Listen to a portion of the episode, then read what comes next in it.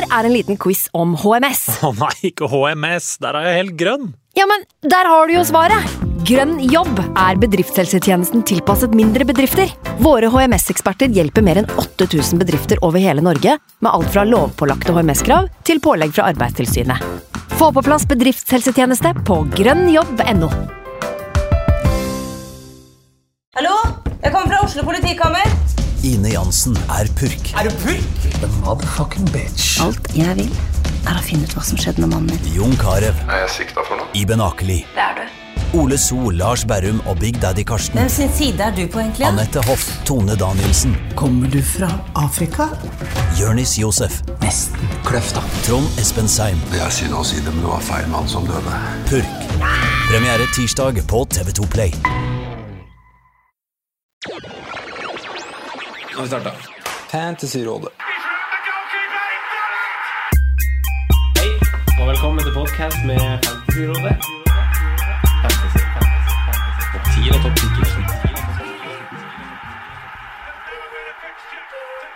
Hei, hei, og velkommen til en ny episode med Fantasyrådet. Jeg heter Franco, og jeg sitter her i dag med en av mine freaks and geeks, Sondre. Velkommen til deg. Takk for det. God dag, god dag, Franco.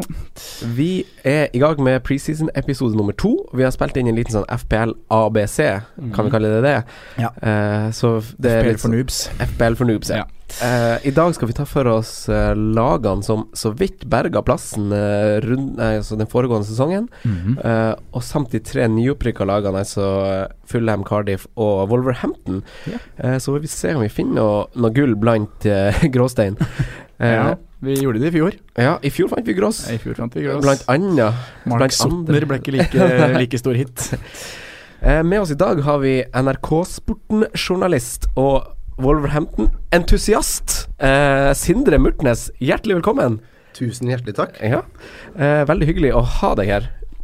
Eh, er du i gang med, med, med planlegginga? Ja, det starter jo egentlig ganske umiddelbart. Um, egentlig rett etter sesongen, men da spesielt da når FBL blir lansert. Ja. Det kom litt sånn brått på, venta på Sala-prisen, og så plutselig var det ut. Ja, så var hele spillet bare ute. De teasa altså ikke så mye i år som de gjorde i fjor. Nei. I fjor følte jeg det var flere enkeltpriser, og så Ja. tok det lengre tid. Men i år så var det pam. Men, uh, ja, men det starter egentlig med å se på fictures og sånn først, da. Og så mm, tar man vel ikke for store konklusjoner. For det, er jo mye informasjon å hente i preseason, som jo er i gang nå. Ja. Eh, du kommer jo fra en ganske, sånn, en ganske sterk eh, guttegjeng, FPL-wise. uh, hvordan, hvordan gikk det med deg i fjor? Eh, dessverre ikke blant den sterkeste i den gjengen. um, ja, det gikk Det ble en sånn jagende sesong. Det åpna helt greit. Jeg hadde et skjebnesvangert valg med å ikke være på Sala fra start av, sjøl om jeg var, var nær, for å si det sånn. Og, og så ble jeg jagende etter, da. Og det blir sikkert litt påvirka av at i den kompisligaen så ble det rakettstart og, og tre stykker blant topp 600 til slutt, da. Så Ja. det ble litt sånn jagende og masende sesong. Og sjøl så lå jeg greit an lenge, og så balla på seg og rulla ut til 195 000 til slutt, Ja. tror jeg. Sånn. Ja. Som egentlig ikke er så kriseille, men når du sitter med de gutta som er på topp tre stykk på topp 600, det er jo helt Ja, vanvittig. det er rått, altså. Eh, Det er 14, 14 stykk i den ligaen, så Ja. ja. Fytti katta. Uh, men uh, Wolverhampton, hvorfor, hvorfor Wolverhampton? Jo, det var enkelt og greit en interesse som kom via pappa, Ja. som harte med seg fra storhetstida til Wolverhampton, som Ja. var sent 50, tidlig 60. Og, ja. Det er koselig når det går i arv. ja, det har gått i arv, Ja. egentlig både til meg og min eldste bror, i hvert fall. Ja. Så det har blitt sånn for familie. Mm. Det er stilig lag. Eh, tilbake til litt FPL, begge to gutta. Eh, har, dere, har dere bitt dere merke i noe spesielt liksom nå i starten med Det er ikke noen nye regler, det er ingenting Er det noen priser, noen spillere dere har sett dere sånn, Han må med, han skal ikke med. Jeg syns Altså, det først Man får et sånn, sånn overblikk, og så syns jeg Det jeg la merke til først, er at det, spesielt defensivt på, på noen av de som f.eks. Arsenal, Everton, Southampton har falt et hakk, da. I pris, ja. Eh, ja. Så Kolasniak, som var seks i fjor, er nede på fem. Og ikke at han er bankers, eh, men Cedric, som var fem, er nede på fire og en halv, og spilt wingback under Mark Hughes. Altså sånne ting. Litt verdi i de som har tradisjonelt sett kunne ha levert clean sheets, da. Mm. Ja. Er fine begynte med merke det samme, Ja. egentlig. Samme med Dejan Lovren, Ja. som på en måte er eh, nede på fem, og er vel eh, per dags dato stopper i Mm. Liverpool. Og da må vi også nevne TAA, Trent Arnold, som er altså på fem, Ja. og som jeg vil tro da ligger best an til å ta Ørebøk-plassen akkurat nå. i. Mm. Jeg, er bare så, jeg synes bare det er så skummelt. Han er jo den mest valgte forsvareren så langt. Ja. Jeg bare synes det er Hadde litt skummelt. Simen for- vært her nå, så hadde han uh, nevnt Klein ganske heftig, tror jeg. Jeg tror det. Ja, Ja. jeg mener at Det er bare litt konkurranse om den plassen som gjør det litt Mm, ubehagelig. det er Jeg skrev i sånn oppsummeringsnotatet mitt at jeg liksom hovedsakelig skulle søke til stoppere når jeg velger eh, dyre forsvarere. Ja. I hvert fall når de spiller i Europa i tillegg. Så Skriver det hvert år. ja. Men eh, hvem, som er, hvem, som, hvem som er førstemann inn på laget deres, som, som dere vet eh, han eller de kommer til å stå også når vi er i Game Week 1? Den første jeg satte på, eh, var Mohammed Salah. Samme her. Samme her, ja. Ja, du, du gjør ikke samme feilen igjen. Nei. Så én ting er at, um, at den er dyr, og, og, og at det kan være litt usikkert at den leverer fra start, men når han blir så mye eid òg, så er det så stor risiko å gå uten fra start. Da. Det er så veldig vanskelig å få ham på. Det er Veldig akkurat det. Det er veldig vanskelig å få ham på. Den dyreste spilleren da Altså, alle de som har valgt han, kommer til å ha han som kaptein i første runde. Ja. Og hvis han leverer da, så har du en sånn panikktilstand med en gang dersom du ikke har den. Ja. Og Ikke bare fordi at du ikke klarer å ta igjen de ti poengene, men fordi at du må begynne å omrigge hele laget ditt med penger og sånn for Ja. å få plass. For du kan ikke kjøre tre mil i banken og gå for Kevin De Bruyne fra start i stedet. Det går liksom ikke. Du, så han er den første. Men det å gå for Sala, da, det gjør det jo så det blir et fryktelig puslespill eh, i, i, i resten av laget. Mm -hmm. uh, hvordan man skal balansere det her. Ja. Uh, Jeg tror konsekvensen av det er jo ofte, blir jo å droppe Harry Kane, Ja. som kanskje ikke er krise fra start, Nei. men å få et lag med de to sammen utover sesongen, det blir vanskelig. Mm. Det er jeg helt enig i, og det, liksom, det, det blir hovedspørsmål nummer to. da Altså Hvis Salah ja nei, og så er Kane ja nei. Fra Mm. start, vel å merke, i og med at han har den august- augusthistorikken, og at han vil spille en bronsefinale nå på lørdag. Og, Mm. Og Ja. Premier League starter jo eh, i gåseøyne litt sånn rekordtidlig. Mm. Det er veldig kort tid mellom slutt på VM og start på PL.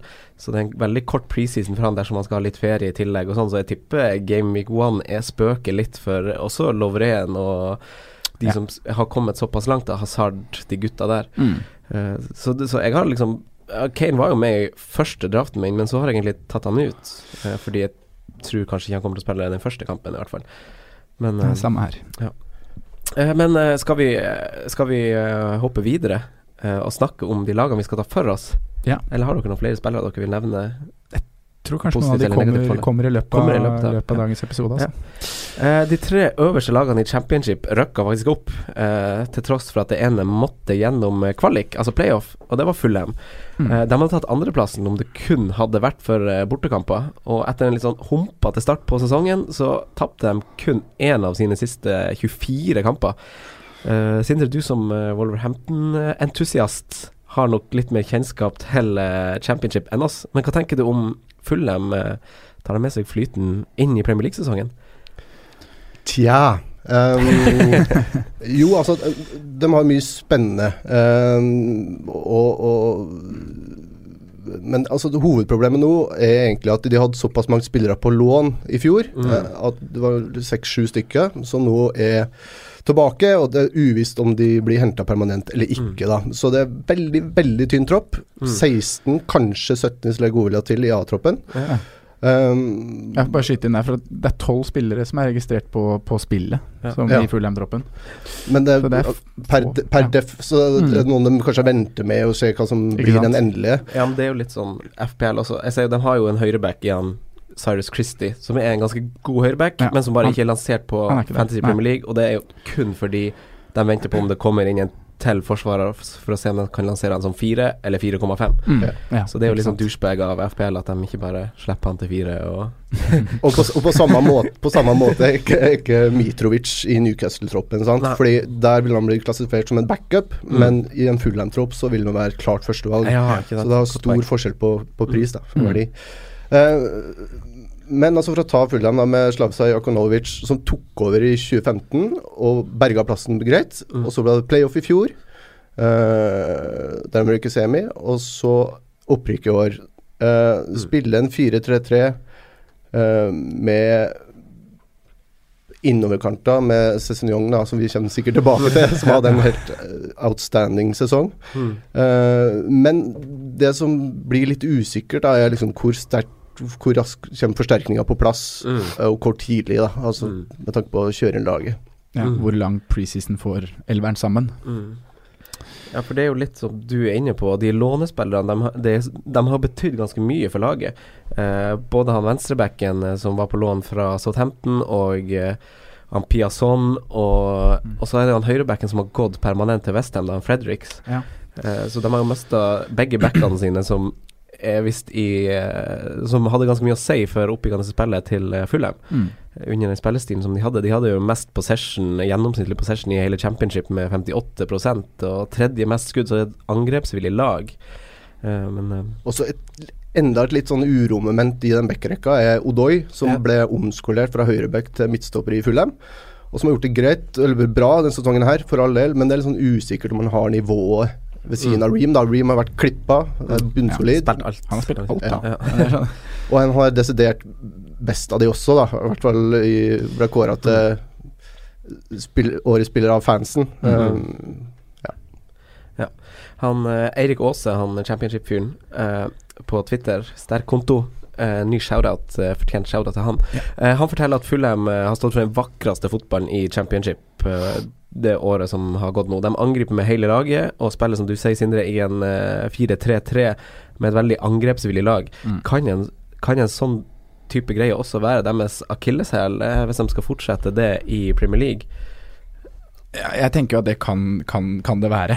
Det Litt er jo sånn naivt. Ja, litt naiv tilnærming. Mm. Uh, men vi så jo at lag som kom opp fra championship i fjor, bl.a. Huddersfield, som også hadde litt den tilnærmingen i championship, Mm. Uh, rykka opp med minusmålforskjell, de, de måtte jo legge om litt. Mm. Så det kan hende vi også ser det i, i Fulham da i år. Ja. At de trekker litt i nødbremsene og Men på hjemmebane så vil jeg jo tro at de vil prøve å på en måte skape et, uh, skape et lite fort hvor de skal, Mm.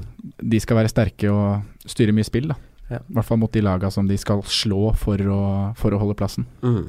De hadde jo en fantastisk altså Hvis man ser fra oktober-november og inn, da, så var det jo desidert mest stabile Altså til og med over Wolverhampton. Mm. Eh, så hvis de klarer liksom å bygge videre på det og kanskje få med et par av de som var med, og få Mm. inn et par forsterkninger, så kan det her bli spennende. Altså. Mm. Ja, det, det gjenstår litt å se. Det er jo utvilsomt et, et spennende lag som sådan. Men eh, har dere Hvis vi tar bakover eh, først. Eh, keeper, forsvar. Eh, hva tenker vi om, eh, om eh, Fulham? De har jo eh, De starter jo på papiret med en greit kamp mot en, en sånn London-oppgjør mot Crystal Palace hjemme. Så har de Tottenham borte, og så har de Burnley hjemme, og så Brighton. Mm. Som, som egentlig er eh, en grei start. Men hva tenker vi om forsvaret til, til Fulham? Styrer man unna? Eller Det er et lag som, altså, som i hvert fall slår meg først og fremst frister offensivt. Mm. Eh, fordi de skåra 79 mål, kun slått av Wolves, um, mens Cardiff og Wolverhampton slapp inn 39 og var liksom det klart har, I hvert fall per nå da virker det som man har klart mer clean sheets-potensial. Mm. Hvis man har legger til da den usikkerheten i backrekka, Mm. så synes jeg at man skal først og fremst se framover, da. Men, men jeg kan jo nevne Team Ream, som er 4,5, og det klokkeklare eh, midtstoppervalget, helt bankers. Mm. Eh, Det er han jo. Ja. Han er vel ikke en så stor trussel på offensive dødballer som andre stopper i samme klasse kan være. Ikke i det hele tatt. Nei, så, Men uh, han er den som på en måte er sikrest, uh, sikreste kortet der. Mm. Han skåra bare ett mål i fjor, og egentlig er, som du sier, altså ikke noe måltrussel. Men det må, hvis det skal gå opp i en rulleringskabal Mm. i, eh, i en, hvis du tenker fictures eller sånn, så Mm. kan det være et alternativ, men det er andre som frister mer, ja. Eh, hvis vi hopper til midtbanen. Cézignon, han er han, eh, Eirik Aase sier at han er mye på rett, eh, rett sted til riktig tid, han. Mm. Uh, han fylte 18 år, født i 2000. Han hadde 18, nei, 16 mål og 8 assist uh, i, i championship. Ja. Ser vi på en slags mainman til 6,5 eh, i full her? Vi gjør jo det. ja, gjør vi det? Det ikke noe- nikker og smiler, ja. han står jo bak uh, brorparten av skåringene til Fulheim i fjor. Og er eh, Nå har ikke jeg sett, sett noen kamper av han, men eh, det jeg har lest og det highlights jeg har sett, så er han jo veldig involvert. Han er en sånn typisk innoverkant med ekstrem hurtighet Mm. og, og god teknikk, og skjær innover. og kommer ikke så mye, til innlegg, da. Han går mer direkte på mål, og det har jo sammenheng med at target, bekken, ofte de som går rundt og slår, mens han søker da innover i banen. Ja. Og da hadde han jo en veldig god fjorårssesong på venstreback òg. Kom på, på årets lag som, som Tines yngste og, og hatt to veldig sterke sesonger. da. Um, jeg snakka litt med, med, Mats Bjørnstad, som er tidligere Fullham Norge-leder. Mm. liksom Med tanke på Cézignon, i og med at han er liksom det, det store det store ja, spørsmålet, egentlig. Uh, og han trekker jo fram hodet til Cézignon som det, liksom den, hans kanskje fremste egenskap. da, At, uh, altså at han har et, uh, et, gammelt hode på en ung kropp, at han er veldig jordnær. Eh, tar ikke av. Klubba la jo langflat i fjor uten Mm. at han liksom lot seg stresse av det, og så leverer han den sesongen han gjør nå, da. Så han tror at han er moden eh, nok for det, men så er jo kanskje uh, Han er jo fortsatt veldig up... Han er jo helt uprøvd i Premier League, han er ung og vil naturlig nok være variabel da, når det er så tidlig i karrieren. Mm. Uh, jeg har kikka litt på han Tom Carnieg. Han koster jo fem. Eh, kaptein på laget. Mm. Uh, han hadde Altså, han koster fem blank. Jeg var litt nysgjerrig på han fordi han Han hadde en del assist eh, Han hadde fem assist eller seks assist i fjor, som ikke er liksom all verden. Seks assist hadde Ja, stemmer. men han var en av deres beste spillere og linka til Premier League. Sesongen før i fjor, hvor samme trener hadde de over, eh, over halve sesongen, hadde han 13 mål og 10 assist. Mm. Som er helt vanvittig Mm. eh, til en spiller for fem. Uh, og han er jo eh, Etter det min research sier, så er jo han først i alt når det gjelder dødballer og cornerer og sånn i tillegg. Mm. Eh, så Indreløper. indreløper, ja.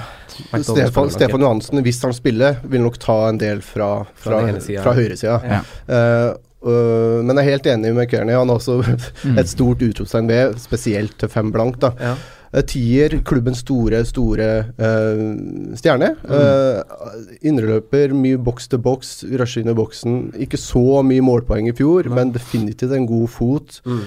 Og ja, Det begynner å bli lenge siden han har Premier League-erfaring fra Blackburn, men han har vært der. Ja, han har smakt på nivået før. Ja. Og han har jo definitivt sine styrker offensivt. Det er jo foten, som du sier, og kreativiteten han står for. Det er ikke den defensive contribution han, han tilfører. Og Norwood, som var på lån, tok jo flest straffer i fjor. Ja. Uh, Kearney tok én. Eh, Mitrovic vil jeg tro, eh, og også Mats tror, at han vil gå foran. Eh, men Kearney er da en god nummer to, som kan bli viktig fordi spissen ofte går ut i 60-70. Hvis det kommer en sein straffespark, så er Kearney på banen, Mm. og da vil han ta det. Ta det. Jeg syns han er et oppriktig eh, alternativ for eh, den billige midtbanen. Ja, for han har en pris som er, som er uh, innbydende, holdt jeg på å si. 5,0. Mm. Uh, Johansen, du, vi nevner han jo. Han koster jo 0,5 mer. Ja. 5,5. Eh, han faller jo litt igjennom pga. prisen her, at det er et sånt sjikte som du vil kanskje ikke ha han inn til 5-5. Ja. Men han noterte seg jo for åtte skåringer og, og ni assist for Ja. Fulham i fjor. Han er en gult kort-magnet, da. Han er en gult kort. Han hadde vel tolv gule kort.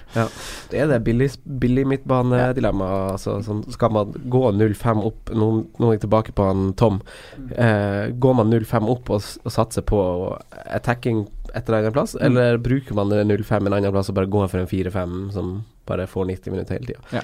Det er litt sånn uh, er helhetsvurdering. Johansen hadde også flest sjanser skapt i fjor med, med 92. Men Ja. altså av den treeren da, med Kearney, McDonald og Johansen, så spørs det hvem som ryker ved en eventuelt forsterkning. da. Ja. Kearney er udiskutabel, uh, og McDonald er ankeret. Så hvis det kommer en ny indreløper som de har blitt kobla til, så er det jo litt sånn Mm. Litt risky, da. Jeg tror jo det kommer inn en bra spiller. Jeg ser dem jo linka til han der uh, Seri. Seri og Ja. Så det, er jo, det er jo virker som det er en posisjon de har lyst til å styrke, i hvert fall. Ja. Eh, men da dropper vi å snakke om spisser, for der er jeg også veldig på veien. De har én spiss registrert på Eller har du noe du vil si, Sindre? Om eh? Kamara. ja. Nei, ja, ja altså Hele høyrevingen er jo veldig usikker. Piazon ble nevnt som har vært på lån. Altså Kamara har spilt litt der. Ajita har spilt litt der. Han er jo på midtbanen, da. Men spiss, så må man bare vente og se, altså. Ja. Ojo har vel vært uh, inni der òg. Ikke sant. Så det store spørsmålet er om det blir Mitrovic eller ikke. Ja. Han skåra 12 på 20 på vårsesongen, Ja. og er spennende hvis han dukker opp. Eh, Cardiff eh, rykka direkte opp med en veldig direkte spillestil, eh, med lav underholdningsverdi, og hadde få spillere som skilte seg ut veldig med positivt fortegn. Eh, vi har Morrison i forsvar til prisen av fem. Han skåra sju mål, eh, noe som er veldig respektabelt sånn isolert sett. Eh, og vi kan jo forvente at det satses mer på, på dødball i Wales. Uh, de har per i dag signert fire spillere, alle fra championship. Eh, Venstreback i han Cunningham, som spilte 20 kamper for Preston. Mm. Uh, som akkurat missa playoffen, playoff-plassen. Han fikk to assist og ett mål. Uh, vi har tvillingbroren til Jacob Murphy i Newcastle, uh, som han Josh, som koster fem på spillet. Han skåra sju mål og hadde tre assist i Norwich, talentfabrikken Norwich. Eh, vi har FM-legende og keeper Smithies, som ble henta fra Queens Power Rangers. Og sist, men ikke minst, så har vi Bobby Reed, eh, som jeg har eh, skrevet med capslock. Eh, han skåra 19 mål, hadde syv assist for Bristol Rovers i championship. Han er hardtarbeidende, han er rask, spiss, som passer liksom hånd i hanske med, med Warnock bak spaken.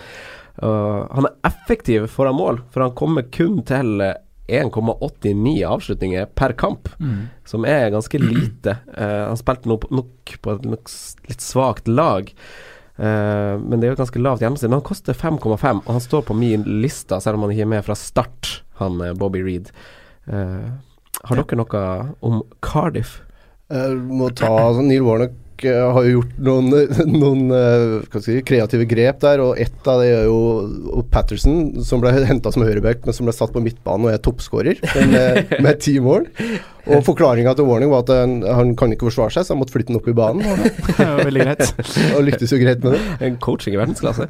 Men på 5-5 og så uprøvd, så blir det Det blir liksom Det blir ikke fra start av, i alle fall. Ca- Eh, Cardiff er jo, et, er jo et hjemmelag. Det ser ut som de skal bygge et, et fort i Wales. De slapp inn minst mål på hjemmebane sesongen som gikk, mm. uh, og skal nok benytte dødballstyrke og litt sånn kontringsstyrke gjennom liksom hurtigheten til han uh, nysigneringa av Bobby Reed, og i tillegg til han Sohore, som er han der danske spissen som, uh, som veier over 90 kilo og er pusher 1,90 på, på centimeter. Så eh, det, det er nok en tydelig plan der, og så har de Hoilet i tillegg, og Reed som sikkert jobber hardt rundt der, tenker jeg. Jeg tror det blir fryktelig vondt å dra til Cardiff. Ja. Eh, altså, vi har 16 baklengs på de 23 hjemmekampene, Ja. og så er det De har fjerde lavest possession og liker liksom å, å ta imot Ta imot, da. Stå og forsvare seg, rett og slett. Ja. Uh. Nei, hvis man, Når du er inne på det med defensivt uh, sterkt lag, så har du jo Cardiff er et av de lagene som det kan hende tilbyr billigforsvarere til fire blank. ja. Uh, Peltier på høyrebekken. Ja. Uh, skal angivelig ha høyrebekken i Cardiff per nå, og har vel konkurranse av en annen spiller der hvor det er litt sånn kniving. Uh, men på venstre er det vel mer konkurranse mellom Bennett og Cunningham. Ja. Så følg med på han til 4-0, som kan være en, en billig løsning da, å ha Og, på benken. og 4-0 kryr det ikke av. Så Nei, hvis han er vel- spiller, så er det Men han er veldig defensiv. Han er Ja, ja. sånn me, nesten mer en midtstopper enn Beck, men eh, Ja. så skal han sikkert spille. Ja, Det er det jeg kan se for meg. Men hvis vi fortsetter baki uh, på, på Cardiff De har Mm. signert en ny keeper. Vi styrer kanskje unna keepere i Cardiff, egentlig. Uh, men uh, forsvarsspillere, det er billigløsninger, som du nevner. Ja. Mm. Så Morrison med sju mål, men på 5-0 så, så blir det Det blir for dyrt, hæ? Det blir for dyrt på nyopprykka. Mm. Det blir det. Ja. Det gjør det. Det er 5-0 for dyrt, selv om han skårte syv mål, eh, syv mål i fjor. Ja. Det, det blir litt for dyrt. ja. På sånne lag så strekker man seg ikke til, til over fem Nei, til over 4,5 for en forsvarer, altså. Nei. Nei. Da er det jo uh, partneren hans, Sol Bamba. Ja. Uh, fire skåringer i fjor, koster 4-5. Ja. Eh, den, han er den som spilte mest i Cardiff-forsvaret. Ja. Men eh, så Han skåret jo noen mål, han òg. Ja, fire. Men eh, altså Ny kontrakt til kultfigur og kaptein eh, Gunnarsson. Mm. Eh, de har en han der Joe Rawls på midtbanen til fem blank, som tok straffa i fjor. Uh, nå sp spørs det jo han Reed, Bobby Reed som ble signert, tok jo straffa for sitt lag, så spørs det om han Rawls får fortsette med det. Mm. Uh, men de har vel et litt for lite appellerende program til å vurdere Vurdere spillere derfra. Mye borte i starten, mens hjemmekampene er mot ganske gode lag.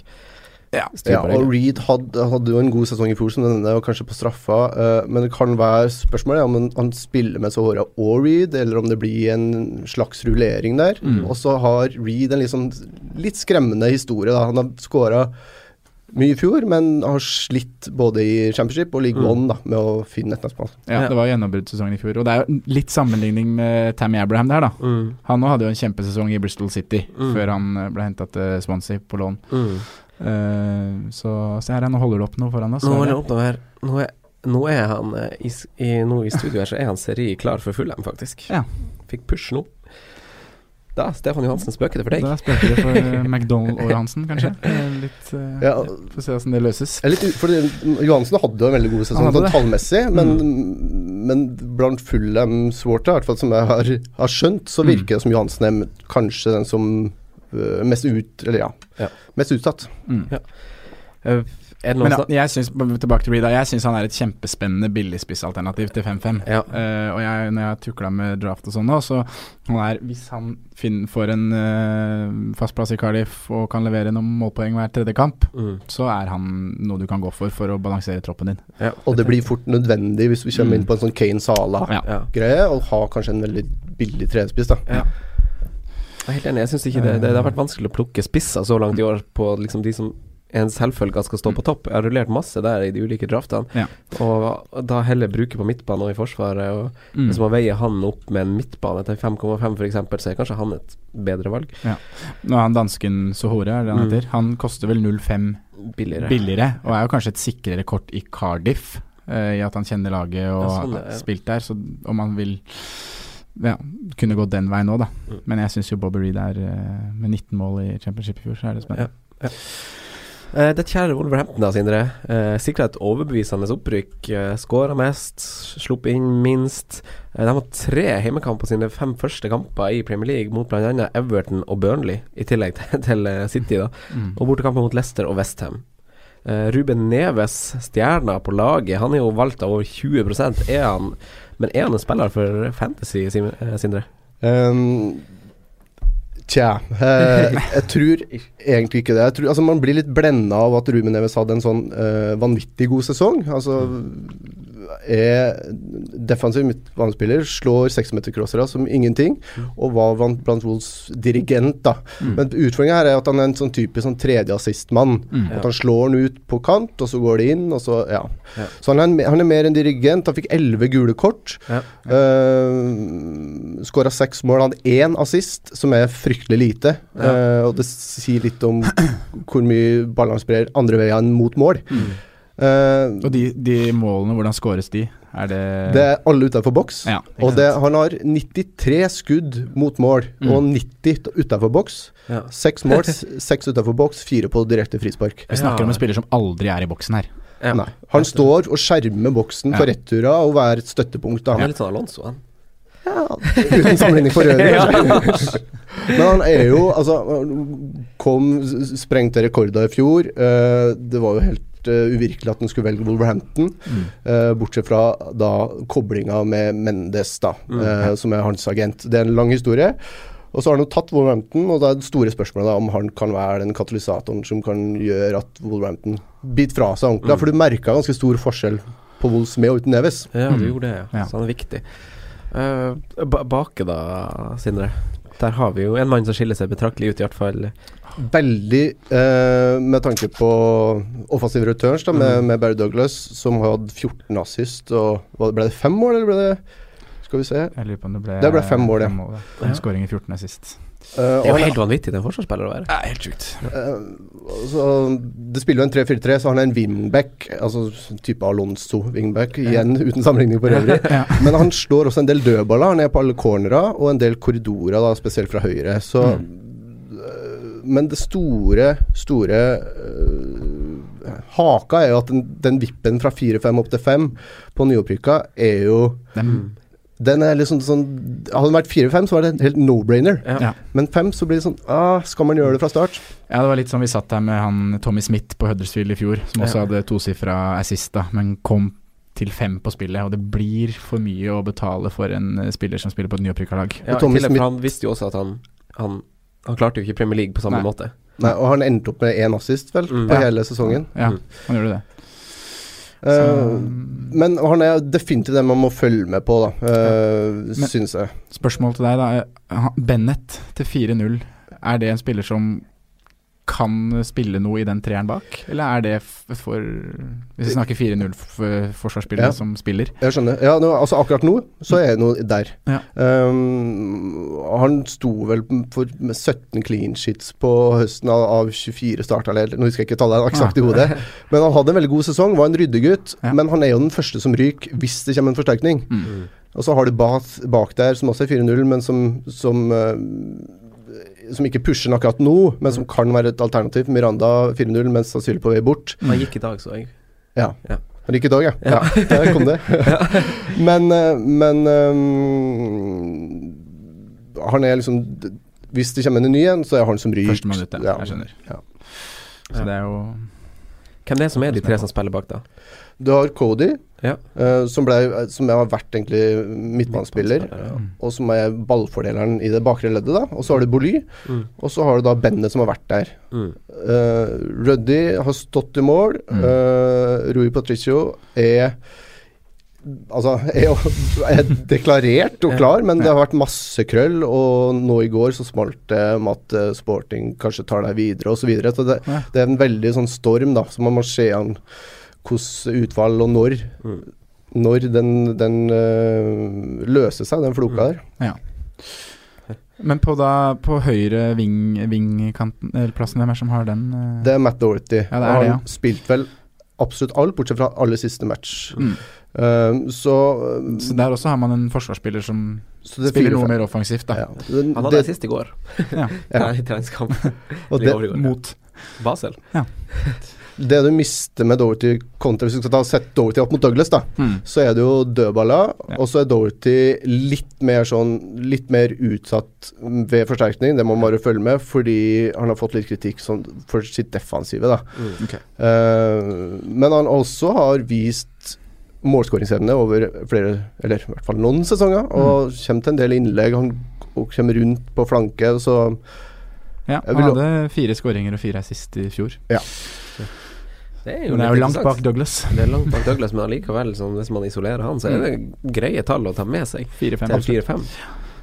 Eh, ja. Så altså, For å oppsummere den bak, da, så vil Doverty Doherty kanskje ha øverst av de fire-fem pga. Mm. av det, i hvert fall akkurat nå. Mm. Og så Følger med på Bennett eh, 4-0 eh, om det skjer noe med forsterkninger. Hvis ikke kan det være en femte Ja.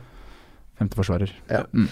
Eh, hvis vi da går over på midtbanen, så har vi jo uh, Vi har jo Cavaleiro. Han var vel mannen med flest assist, og han skal angivelig være til salgs, eller? Er det litt sånn Har det blitt litt lagt på is, kanskje? Det er altså høyrevingen Utfordringa det er litt sånn i det blå akkurat nå. Eh, du har Cavalero og Costa, altså Helle Costa, som har veksla mest på den plassen. da Mm. Eh, og så er spørsmålet da Cavalero var jo mest uh, Spilt mest, levert mest tall, mens Helle Costa hadde en god fjorårssesong og kan kanskje få bli dyrka. Han har et veldig stort maksnivå, ja. så det er litt sånn Litt sånn usikkert å gå for høyrevingen på Wolverhampton, fordi det kan skiftes fra kamp til kamp. da Men Da er det jo en Yota, da, som er main mainman i, i angrepet der, da. Det, det, det er Yota folk uh, Eller veldig mange ser på når du ser offensivt på Wolverhampton, og det er jo 17 mål og 5 assist. Mm. 120 skudd, som er ett skudd hver halvtime ish. Ja. 2,7 skudd per kamp. Glad i å skyte, da. ja, han er veldig sånn direkte uh, og med FPL-øyne enn du liker å se på fordi han har lyst til å gjøre litt ting sjøl. Ja. Uh, Spiller han spiss eller kant? han kan spille falsk nier, men er, han er mest på venstresida Ja. Og drar seg innover. og drar seg innover. Ja. Og slipper Douglas forbi Ja, seg. ikke sant. Ja. Det er samarbeid i gang. Mm. Det er jo kjempespennende. Ja. 6-5. Det er 10% som har, har han på laget allerede. Ja. Han skårte mot Basel på, på eh, Ja. assisten til han høyrebacken. Dorothy. Ja. Vet Han havner jo i den 6-5-bracketen Mm. som man da Der har du jo Cézinong, som vi har allerede snakka om, og så har du Moe Elonissi, ja. Theo Walcott. Ja. Så det blir liksom sånn Du må sette dem litt opp mot hverandre, da. Ja. Ja, per nå så har jeg på en måte Yota først av de gutta som Ja. du nevner der. Og det er noe med det jeg forbinder litt med Wolves med skåringshistorikken fra i fjor. Offensiv eh, sprudling. Eh, at Fulham er et lag jeg ser for meg kan slite mer med å skape sjanser i Premier League enn hva Wolverhampton kan. Ja. Og det Yota kan gjøre på egen hånd. da Han er litt sånn mainman også Ja. i laget. Det liksom Og også at han kan spille helt på topp. da Han Ja. står som midtbanespiller, spiller kant uh, i 3-4-3, eller han spiller den offensive treeren. da Ja.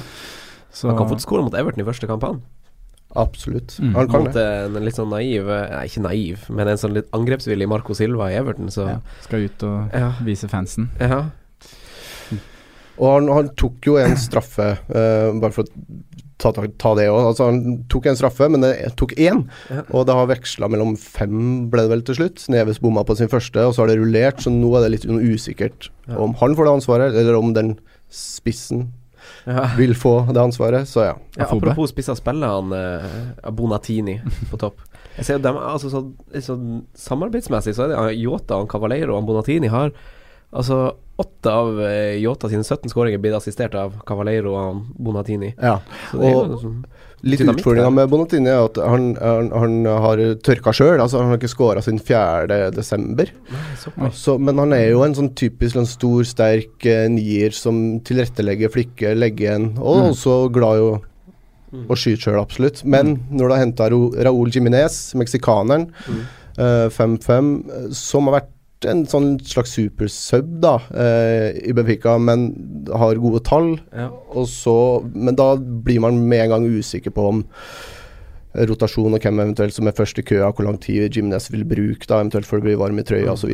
Ja, det er litt sånn typisk spissduell som ofte, ofte ender i Leverer man ikke, er det ute etter 65, neste man kommer inn, Ja. han får starte neste kamp. Ja, så spissplassen er litt usikker egentlig der. Ja, det Kan vi ikke se på litt delte minutter på, på de? Ja, og det, det er jo fortsatt spekulasjoner i britisk presse om at man jager enda, enda en spiss. Ja, og da, om det er et definitivt førstevalg, eller om det blir en sånn ja, Nok en rulleringsspiller. ja. Ja. Men mest sannsynlig ikke det, da. Men, at, ja, så, men hvis det kommer et klart førstevalg, så blir jo Jiminez og, og Monantini selvfølgelig helt uaktuelle. Mm. Jeg kjenner jeg blir, blir litt sånn uh, spent på, Småforelska. på Ayan Yota, egentlig. Ja. Ja, jo, Det er litt sånn, når du er på Wolverhampton, så er det liksom go Yota og go home, mm. eh, tenker jeg. Det er, jo- ja, ja. Er spennende type. Er det noe mer vi vil si om Altså, Treneren har skrevet ny kontrakt, det, det blomstrer jo litt sånn i eh, Wolverhampton-leiren, tenker jeg. Drar med seg en vanvittig form fra championship og trener med ny kontrakt, og Ruben Neves blir, og Neves også med ny kontrakt. Ja, eh. Og han har gifta seg, og Ja, ja altså, ikke minst. Ja, men det er, jo, altså, det er jo sånne småting som kan ha litt å si, da. Eh, Han er glad. Du vet når barnet kommer, da blir det skåringer. uh, men nei, det, det eneste Altså, det usikkerhetsmomentet her kanskje da er jo øh, Altså, Santo har fungert alt Maskineriet har fungert veldig godt, for det har Mm. flytet veldig bra. Ja. Men med en gang det kommer en, en, en Ikke bare en, et tap, men kanskje en nedtur, hvordan Mm. påvirker det Hvordan er Santo under en sånn situasjon? Ja. Hvordan påvirker det Spillergruppa, ja. Ikke Ja. minst, som er Det er mange noe port- som vi nevner, det er jo noen er artister her på en måte som er eh, individualister, eh, som man ikke kanskje har fått sett helt i motbakke ennå. da. Hvordan vil det utspille seg? Ja, ikke sant. Men, men altså bare for å ha sagt det, så er det den 3-4-3, den spillestilen vi har hatt, så er det ganske stor konsensus om at det er liksom den beste fotballen Wolverhampton har spilt på mange, mange, mange år. Mm. At det, det spilles ut bakfra, possession-orientert. Farsan sier det, som har fulgt med i mange år. Han er, eh, han er fornøyd nå. ja, ja, det, ja, for min er tross alt bare 30, men eh, Ja, men jeg, jeg har også lest det at Ja. de eh, Og han treneren er jo ganske Han er litt tilpasningsdyktig her også. Han varierer. Han tar kontring også, selv om han som oftest dominerer kamper. Så er han veldig sånn Det skal kontres når man har muligheten. absolutt. Mm. Så det er jo spennende å være med på. Og det, er jo, det kan jo bli enda mer av i Premier League. At man blir kanskje litt Selv om de, man sier da at man skal tviholde på den, den filosofien, så vil man automatisk bli litt mer pressa til å ta kontringa. Ja. Og da er det liksom den ene brodden som gjør meg litt usikker på Neves, da, er om han, hvis han blir eh, At han slår den 60-meter-crosseren rett i bakrom da istedenfor ut. At han kanskje får en litt mer sånn direkte rolle. Ja. Men det vil man helst vente å se, da, tenker jeg. Eh, av de som holdt plassen, har vi jo Huddersfield og Southampton. Eh, vi trenger ikke snakke like mye om de, men det var spennende til siste slutt, uh, Sondre. Eh, Southampton har valgt å beholde Mark Hughes, og de har allerede henta en del nye fjes eh, på sørkysten der. Eh, hva kan sies om Southampton? Nei, Som du sier, det var spennende, spennende helt til slutten. De var jo, Southampton var et av de lagene som eh, som, som, viste noe bedring da når det gjaldt som mest. Mm. Uh, det det kan sies, er at de hadde en rotete og kjedelig sesong i fjor. Ja. Uh, Simen Kål hadde den, faktisk. Simen Kål hadde den. Ja. Uh, vi var litt mer optimister. Mm. Uh, men ja, en rotete og kjedelig sesong som de helt sikkert har lyst til å forbedre nå i år. da mm. uh, Skåra lite mål. 37 skåringer. Og det var et av de lagene som skåret minst på hjemmebane. Tredje ja. minst skåringer på hjemmebane, tror jeg det var. Ja. Det var dårlig på hjemmebane sesongen før det også. Ja, de var kanskje det. Uh, slapp inn 56, som var mer enn vi kanskje hadde forventa. Det er jo alltid et lag sånn historisk sett, så har vi jo kikka litt i forsvarsspillet i Southampton uh, de siste sesongene. Um, som vi var inne på her tidligere, da, den svake fjorårssesongen har gitt litt utslag på fantasy. At uh, noen av forsvarsspillerne har blitt skrudd et hakk ned i pris. da. Ja. Uh, Bertrand som kosta 5-5 i fjor, han koster nå 5 blank. Og Cedric som kosta 5 blank i fjor, ja. han er blitt nå skrudd ned til 4-5. Uh, så det er jo interessante, interessante spillere med fansøyne mm. nå, syns jeg. Uh, og som du sier, så har det skjedd flere ting på markedet. Eh, de har vært en aktiv klubb så langt i preseason. De har hentet inn ny keeper, de har blitt rykta til ny stopper. Jeg vet ikke om han Westgård Er han bekrefta, eller er det Nei, Sikkert nyss før. Ja, det er veldig det er medical og greier. god kilde på det. Ja. Uh, kvitta seg med noen offensive spillere. En uh, hipsterhelt i Tadic ja. som har forsvunnet til Ajax. Uh, Bofal er vel helt ute i kulda. Jeg vet ikke om han har gått, men han ble jo fryst ut mot slutten av fjorårssesongen og måtte trene med U23. og Virker å være på vei ut nå. Eh, Carillo har gått på lån. Og så har de jo hentet inn eh, Moi, da. Ja. Elonussi. Moi, moi. moi, moi. Ja. Uh, til 6-5. Og en fra Celtic, mm. Armstrong, mm. som vel er en mer rydde, rydde midtbanespiller. Mm. Jeg leste han kan være en sånn boks-til-boks-rolle òg, men ja. det er sånn vent og se. 5,5. Han har hatt 15 mål og 7 assist i fjor, altså ikke nå, men før der, med den vanvittige Celtic-sesongen. Så han kan være en sånn som kan fylle en toerrolle, eller ja, to, en av de to bak spissen, da. To, ja. Men om man, om man, tar den plassen, eller om man tar sentralt mm. Mm. For de spiller jo en 3-4-3 eller 3-5-2-variant i Southampton, vel? Ja, de gjør nok det. Ja. Uh, så Cedric og Bertrand blir jo wingbacker, og så blir det tre stoppere. Mm.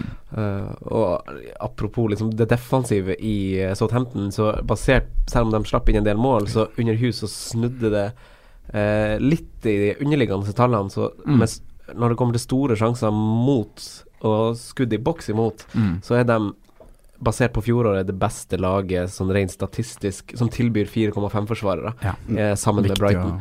Ja, som tilbyr liksom Og så har jo de også et appellerende program i starten. Mm. Så med Burnley først, og så Everton, Leicester, Crystal Palace og Brighton. Det er liksom fem, fem kamper som det er greit å mm å fylle opp med en 4,5-forsvarer i uh, Southampton, for da tenker jeg. Ja, og, og Cedric, da, som, som, som, nå har flytta opp et hakk, ja. uh, hadde bare tre assist i fjor, men alle tre kom siste sju som wingback in ja. hus. Så der kom det også en formstigning da, som er liksom interessant. Ja, og historisk sett så slår han mye innlegg og kommer mye rundt på kant og legger inn i boks. Mm. Så det er jo en Jeg har også notert meg han. Han er jo Han hadde de tre siste som du nevner. Og han skapte flest store sjanser av alle forsvarsspillere i samme periode som det du nevner, Sindre. Mm. Så han er jo Han er jo en stopper Nei, en back som er for god for akkurat, akkurat det laget. Ja. Så han er en viktig brikke, rett og slett, for han Hughes, mm. egentlig. Han har jo fått uh, ja, spilt ja. noe VM, men også fått nok hvile til at han mest sannsynlig kommer til å være med fra Gaming One, da, vil vi tro. I år som i fjor så starta han nok i mitt lag denne gangen også. Ja, han er inne her også. Mm. Jeg har også et sånt lite, bitte lite utropstegn bak Bendarek, fordi han fikk tillit i hus. Litt pga. rødkortet på, til Stevens på, på Emirates. Mm. Men uh, er ung, ble med Polen i VM, mm. ble matchvinner der mot Japan. Er kanskje en altså Man må se da hvordan det ligger an, men at hvis det kan se ut som han blir satsa på, da, så er jo det et skup hvis det skulle bli sånn. Ja. Absolutt. Og han var mange som turte å, gå, ja, mange turte å gå for han på slutten i fjor, da han fikk den plassen etter det røde ja. kortet som du snakker om. Men det er når de driver og linkes til nye stoppere nå. Så er vel han fort førstemann ut av laget. Det er derfor det blir det, Akkurat nå blir det for usikkert. Men det er spennende å ha på blokka. Absolutt. Eh, midtbana, Jeg tenker jo liksom nei umiddelbart, men de har jo et par eh, sånn billigløsninger. Altså sånn 6,5, der er vi jo enige om eh, liksom Moi han blir liksom Det er noen andre som er foran han i rekka fra start. Men det blir veldig gøy å følge med på. Veldig gøy, og Ja. kanskje han kan bli aktuell. Ja. Eh, men så er det Man må jo ha noen 4,5 eh, midtbanespillere. Det må man jo bare ha. Romeo, Høibjerg, spillere som egentlig gjorde det ganske bra også i samme periode som Sindre Skrytla på tampen, hvor de var ganske gode.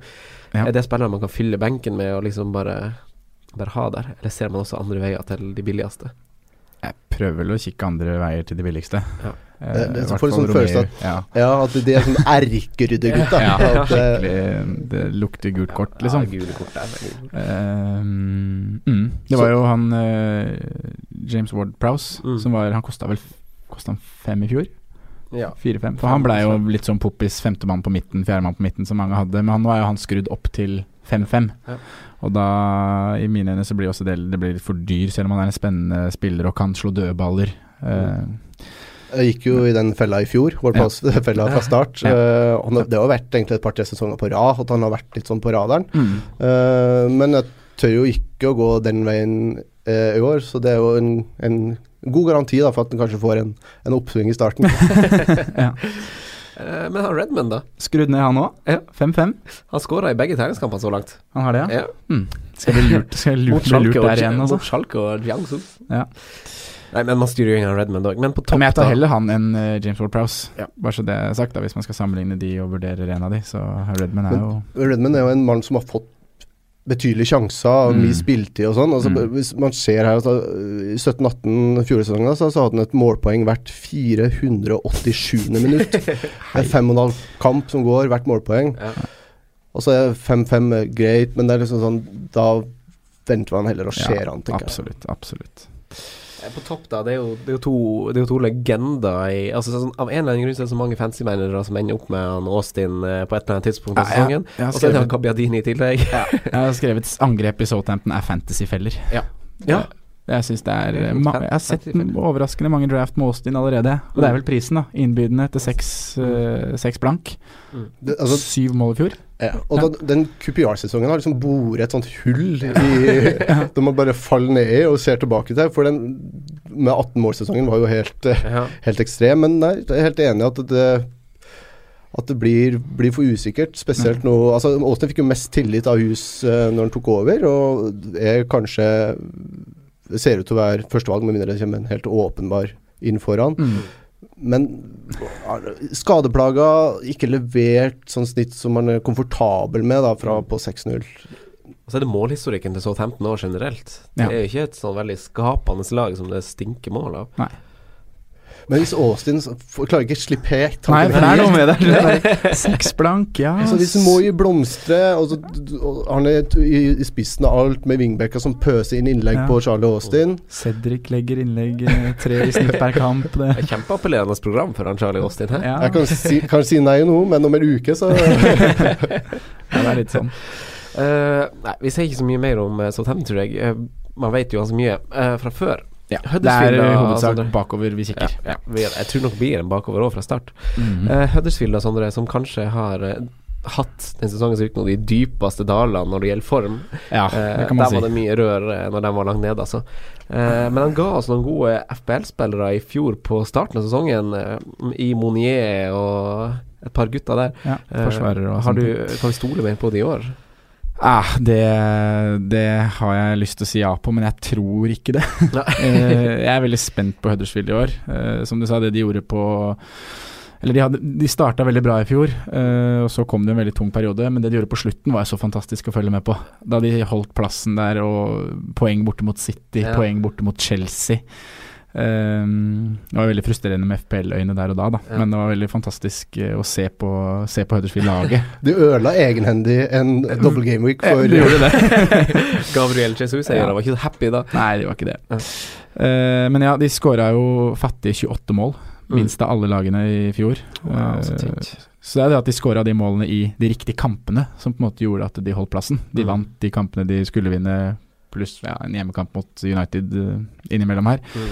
Uh, slapp inn 58, rett under middels.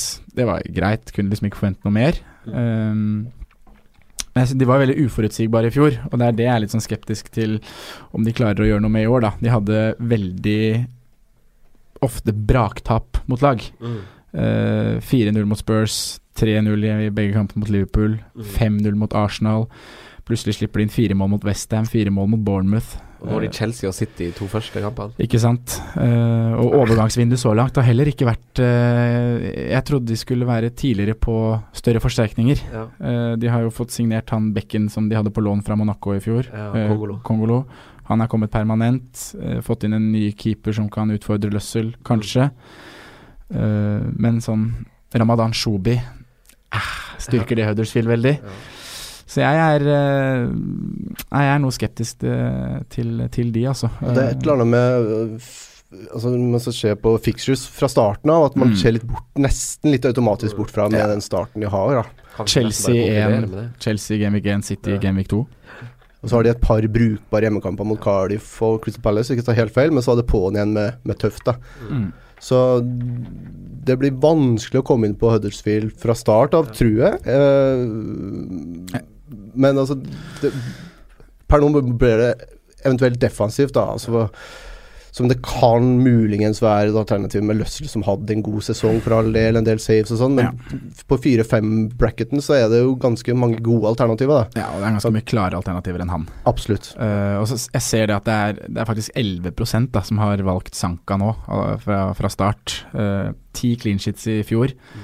Eh, det er dårlig poengsnitt Ja. hvis du skal ha han. Du må jo treffe på de kampene du bruker han. Og jeg syns også det er fire-fem forsvarere fra start som tilbyr mye mer enn hva Sanka, Sanka, Jørgensen gjør. han lagde jo masse frispark, altså. Ja. Men det med Schindler og Sanka er jo at de spilte 37 kamper sammen i Premier League i fjor. Mm. Eh, Schindler mista én, Sanka spilte samtlige 38 kamper for Huddersfield. Eh, sammen står de to som par for flest brudd av eh, forsvarsspillere gjennom hele sesongen. Ja. Og, og tredje og fjerde mest er de på mest klareringer.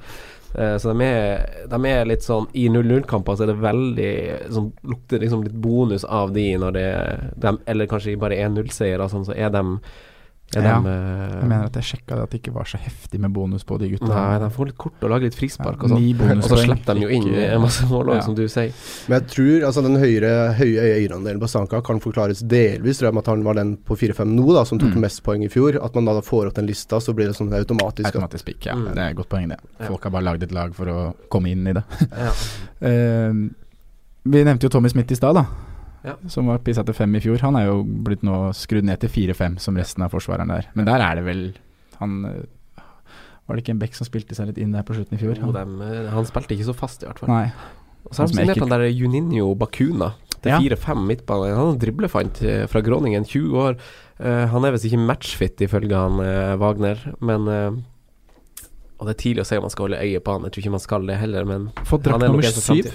Han har fått drakt nummer syv. Det blir spennende å se. Eh, Og så en, en mann som mange hadde store forventninger til i fjor, er Tom Inns, som liksom Mm. Som fortsatt er der, og har levert nesten nada i fjor. Men som kanskje har et sånt uforløst eh, Altså Mm. Ikke uforløst, han har fått sin sjanse og sånn, og er ikke veldig aktuell, men det er bare så nevn da, i og med at eh, han hadde taket han hadde forrige fjor. Ja, i championship-sesongen. Han har et potensial, ja. Som er Mm. litt Men er det noe mer å si om? Altså, vi styrer jo unna Monier de Potre. Vi gjør jo det. Ja, det er Eh, det er ikke noe skjedd noe. Jeg, jeg ville tro at det ville skje noe på spissplass der, da. Ja. Uh, men på midtbanen, hvis vi bare går kjapt tilbake til det, for jeg syns jo kanskje Pritchard er det, hvis man absolutt skal ha noen fra Huddersfield, så kanskje han er det mest spennende alternativet i Huddersfield Ja. til, eh, til fem blank. Og det er ikke fordi at Han han, leverer fem blank. Ja, han gjør det. Det er ganske Jeg syns han var veldig frisk på slutten i fjor. Ja. Uh, han ble henta i, i jula der og spilte kamper mot slutten. Og én mål, eller én scoring, to assist. Ja. Viste noe. eh, Så hvis det fortsetter, så kan det være et alternativ som en fjerde-femte mann på midtbanen. Altså, så spissmessig er jeg helt enig at man hopper bukk, men, men, men de hadde ganske grei uttelling i forhold til hvor mange sjanser de kom fra. Det, det som var litt sånn overraskende, var at Huddersfield var blant det laget som kom til færrest headinger totalt sett. Det veldig få innlegg fra kant, da, Mm. og veldig få innlegg bakfra, med, tanke på Moi. Så hvis det, det er helt sikkert noe de er klar over, og hvis de jobber med det og ja, får masse å fòre med, Ja. så Ja. Det er tunge karer som er i boks der, som kan skape noe på innlegg. Ja, og det, og er veldig like, så det blir liksom en åpenbar Mm. Må bli en åpenbar uh, strategi da, for å, for å score mer enn det de klarte i fjor. Som Ja. da Der peker du jo på et tydelig problem for Huddersfield, da, når de har de spisstypene i boks, og så kommer de ikke til mer innlegg. Ja. Så er det åpenbart noe de kommer til å gjøre noe med i denne sesongen her, vil jeg tro. Monier skårer syv mål, tre av de er i Gameweek 1. Ja. Ja. Var Skåret han hat trick? Gjorde han ikke det? Han, Var skåret to? Var to, kanskje? Ja, han var to. Han var litt ivrig i starten. Ja. Så det Eh, Men vi må, vi må begynne å runde av hvis ikke dere har masse mer å si om Huddersfield. Altså, tenkte vi skulle oppsummere litt sånn kort mm. av lagene vi har snakka om. Beste keepervalg. Ja. Eh, vi tar, vi tar bare, på runde. Ja. Skal, eller er noen aktuelle i det hele tatt? Så Nei, det bare kan si ingen. kan jo si ingen, Ja. men jeg har litt lyst til å følge med på, på keeperduellen i Southampton, jeg. Ja. Uh, med han nye keeperen de har signert nå, Gunn. Gunn. fra Manchester City, som har spilt masse aldersbestemte landskamper for England, eller vært i keeperteamet der sammen med Pickford. Spilte fast i Norwich nå. Spilte fast i Norwich i fjorårssesongen, championship. Eh, de var ikke fornøyd med Forster i fjor, ble jo Nei. benka utover sesongen. Eh, men selvfølgelig, det er jo ikke noe du skal gå, fra, gå for fra start. Men eh, det er kult at han skal spille Premier League, og det kan være en keeper som tar steget og koster 4-5, da. Ja. Men eh, det er jo ikke noe du går, fra, går for Koster fra start. 4-5 han Ja, han gjør det. Jeg er også enig i at du får mest verdi i 4-5 eh, fra Southampton. eh, fordi keepersituasjonen i Wolverhampton er fortsatt litt sånn uavklart. Og Cardiff ah, Ja, Der også, kanskje. men det er også 4-5, og de vil mest sannsynlig ha langt større problemer med å holde clean sheets og ta seire enn Southampton. da. Ja. Så man må ikke glemme er mye mer etablert og har mye mer erfaring og et tryggere valg. Jeg er, jeg er egentlig enig med det som blir sagt, men jeg har skrevet, jeg har skrevet ingen. Jeg skal ikke ha noen keepere. Eh, forsvar, eh, Sondre. Forsvar fra lagene vi snakker om. Uh, der har jeg skrevet uh, Cedric til 4-5. Ja. Uh, jeg har også skrevet at jeg ville ha Morrison og Douglas, men at 5-0 blir for dyrt. Ja. Uh, og da blir det ikke plass til de, og det er for en dyr pris for nyopprykka spillere. Ja. Så Cedric til 4-5, wingback i Southampton. Helt enig med deg. Sindre? Cedric er definitivt på blokka. Han er vel kanskje inn på laget eh, per nå. Uh, og så trekker jeg fram Doherty, da. Uh, Wingbacken til Wolverhampton til 4-5. Mm. eh, som et eh, eh, Men altså, det med forbehold om at det ikke kommer noen konkurranse der, for da er han litt utsatt. Så vil jeg bare nevne han eh, 4-0-forsvareren på Cardiff, høyrebekken Peltier. Ja. Som kan være en eh, Og eventuelt Bennett i Wolverhampton. og eventuelt Bennett i Wolverhampton. Som skal følges med. Og eventuelt Bednarek i så Ben Eventuelt. Eventuelt, eventuelt. eventuelt. Uh, midtbane. What say you? Vil du gå først, Eh, Sindre? Uh, Jeg tror kanskje vi har samme mann. Eh, Tom Kearney kom- kommer ikke unna pga. Uh, prislappen til 5-0. At det, potensialet er såpass stort, Ja. Ja. og han er liksom et sånt sentrumstjerna tier. Mm. Spiller på et lag som ser ok uh, spennende ut. Spes litt sånn avhengig av uh, hvordan de gjør det i preseason, og hvordan spillere som detter på plass rundt og foran. Mm.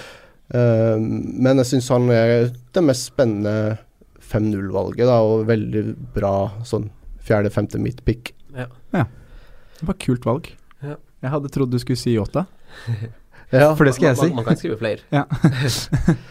ja. Det, det er artig, og det, og det overrasker. ja. For jeg syns Jeg har Yota på laget til 6-5. Ja. Jeg syns det Kult. er eh, Jeg blir nå Han i første kamp. tok jeg ikke så Gross- raser han opp i verdi. Ja, nå var jeg aldri på Gross i fjor, så nå skal jeg gå for en av de her eh, midtbanespillerne som rykker opp, og som vi har tro på. Det er noe med de her hovedpersonene i lagene sine Main som, mans. som ja, det har mye å si. Uh, ja. Jeg har skrevet Jeg har skrevet enabler, Mm. og så, og så starta jeg med å skrive enabler eller Yota. Eller Cézignon eller Kearney. Eller Moi. ja, eller Moi. Nei, men jeg, jeg tror nok kanskje han Kearney kan ende opp på laget mitt dersom jeg har den 05 til overs, uh, og jeg ikke ser noe sånn framtidig som kanskje kan Ja. Men ja, uh, Yota syns jeg er kult. Cézignon venter jeg litt med. Ja, vi hopper på spissplassen. Uh, Sondre? Uh, blant de fem lagene vi har snakka om nå, så er det faktisk Bobby Reed Billigspiste 5-5 jeg, jeg kikker til. Eh, skikkelig watch out på han. Ja. Jeg har lyst til å følge med i preseason. Eh, jeg leste litt int intervjuer med Warnock som sa at det her var en spiller som var perfekt spillertype for laget. Mm. Han hadde veldig troa. Mm. Håpa han skulle ta steget fort. Så jeg syns det er eh, superkult Ja. å følge med på. Ja, selvfølgelig en liten risk og Ja. en liten æ der, men eh, ja. 5-5 Bobby Reed er den jeg ville valgt.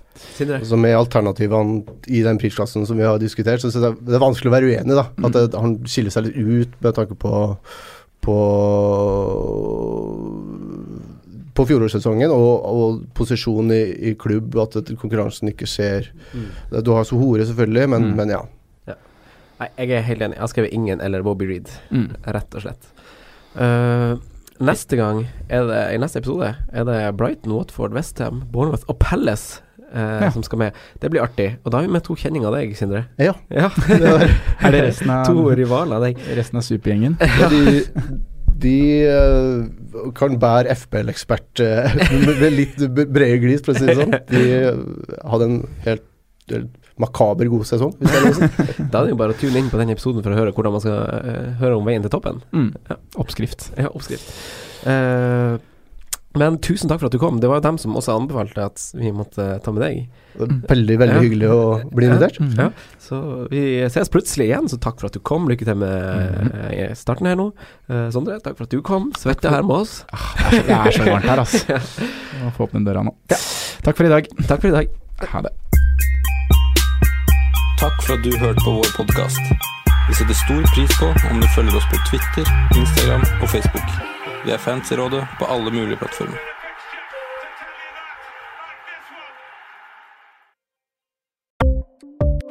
Ukens annonsør er Folio, en smartere banktjeneste for deg som har en egen bedrift eller ønsker å starte for deg selv.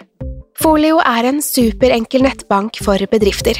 Som kunde i Folio får du en bedriftskonto med et bedriftskort og app. I denne appen er det smarte løsninger som forenkler regnskapet ditt, uansett om du har en liten bedrift eller et enkeltpersonsforetak.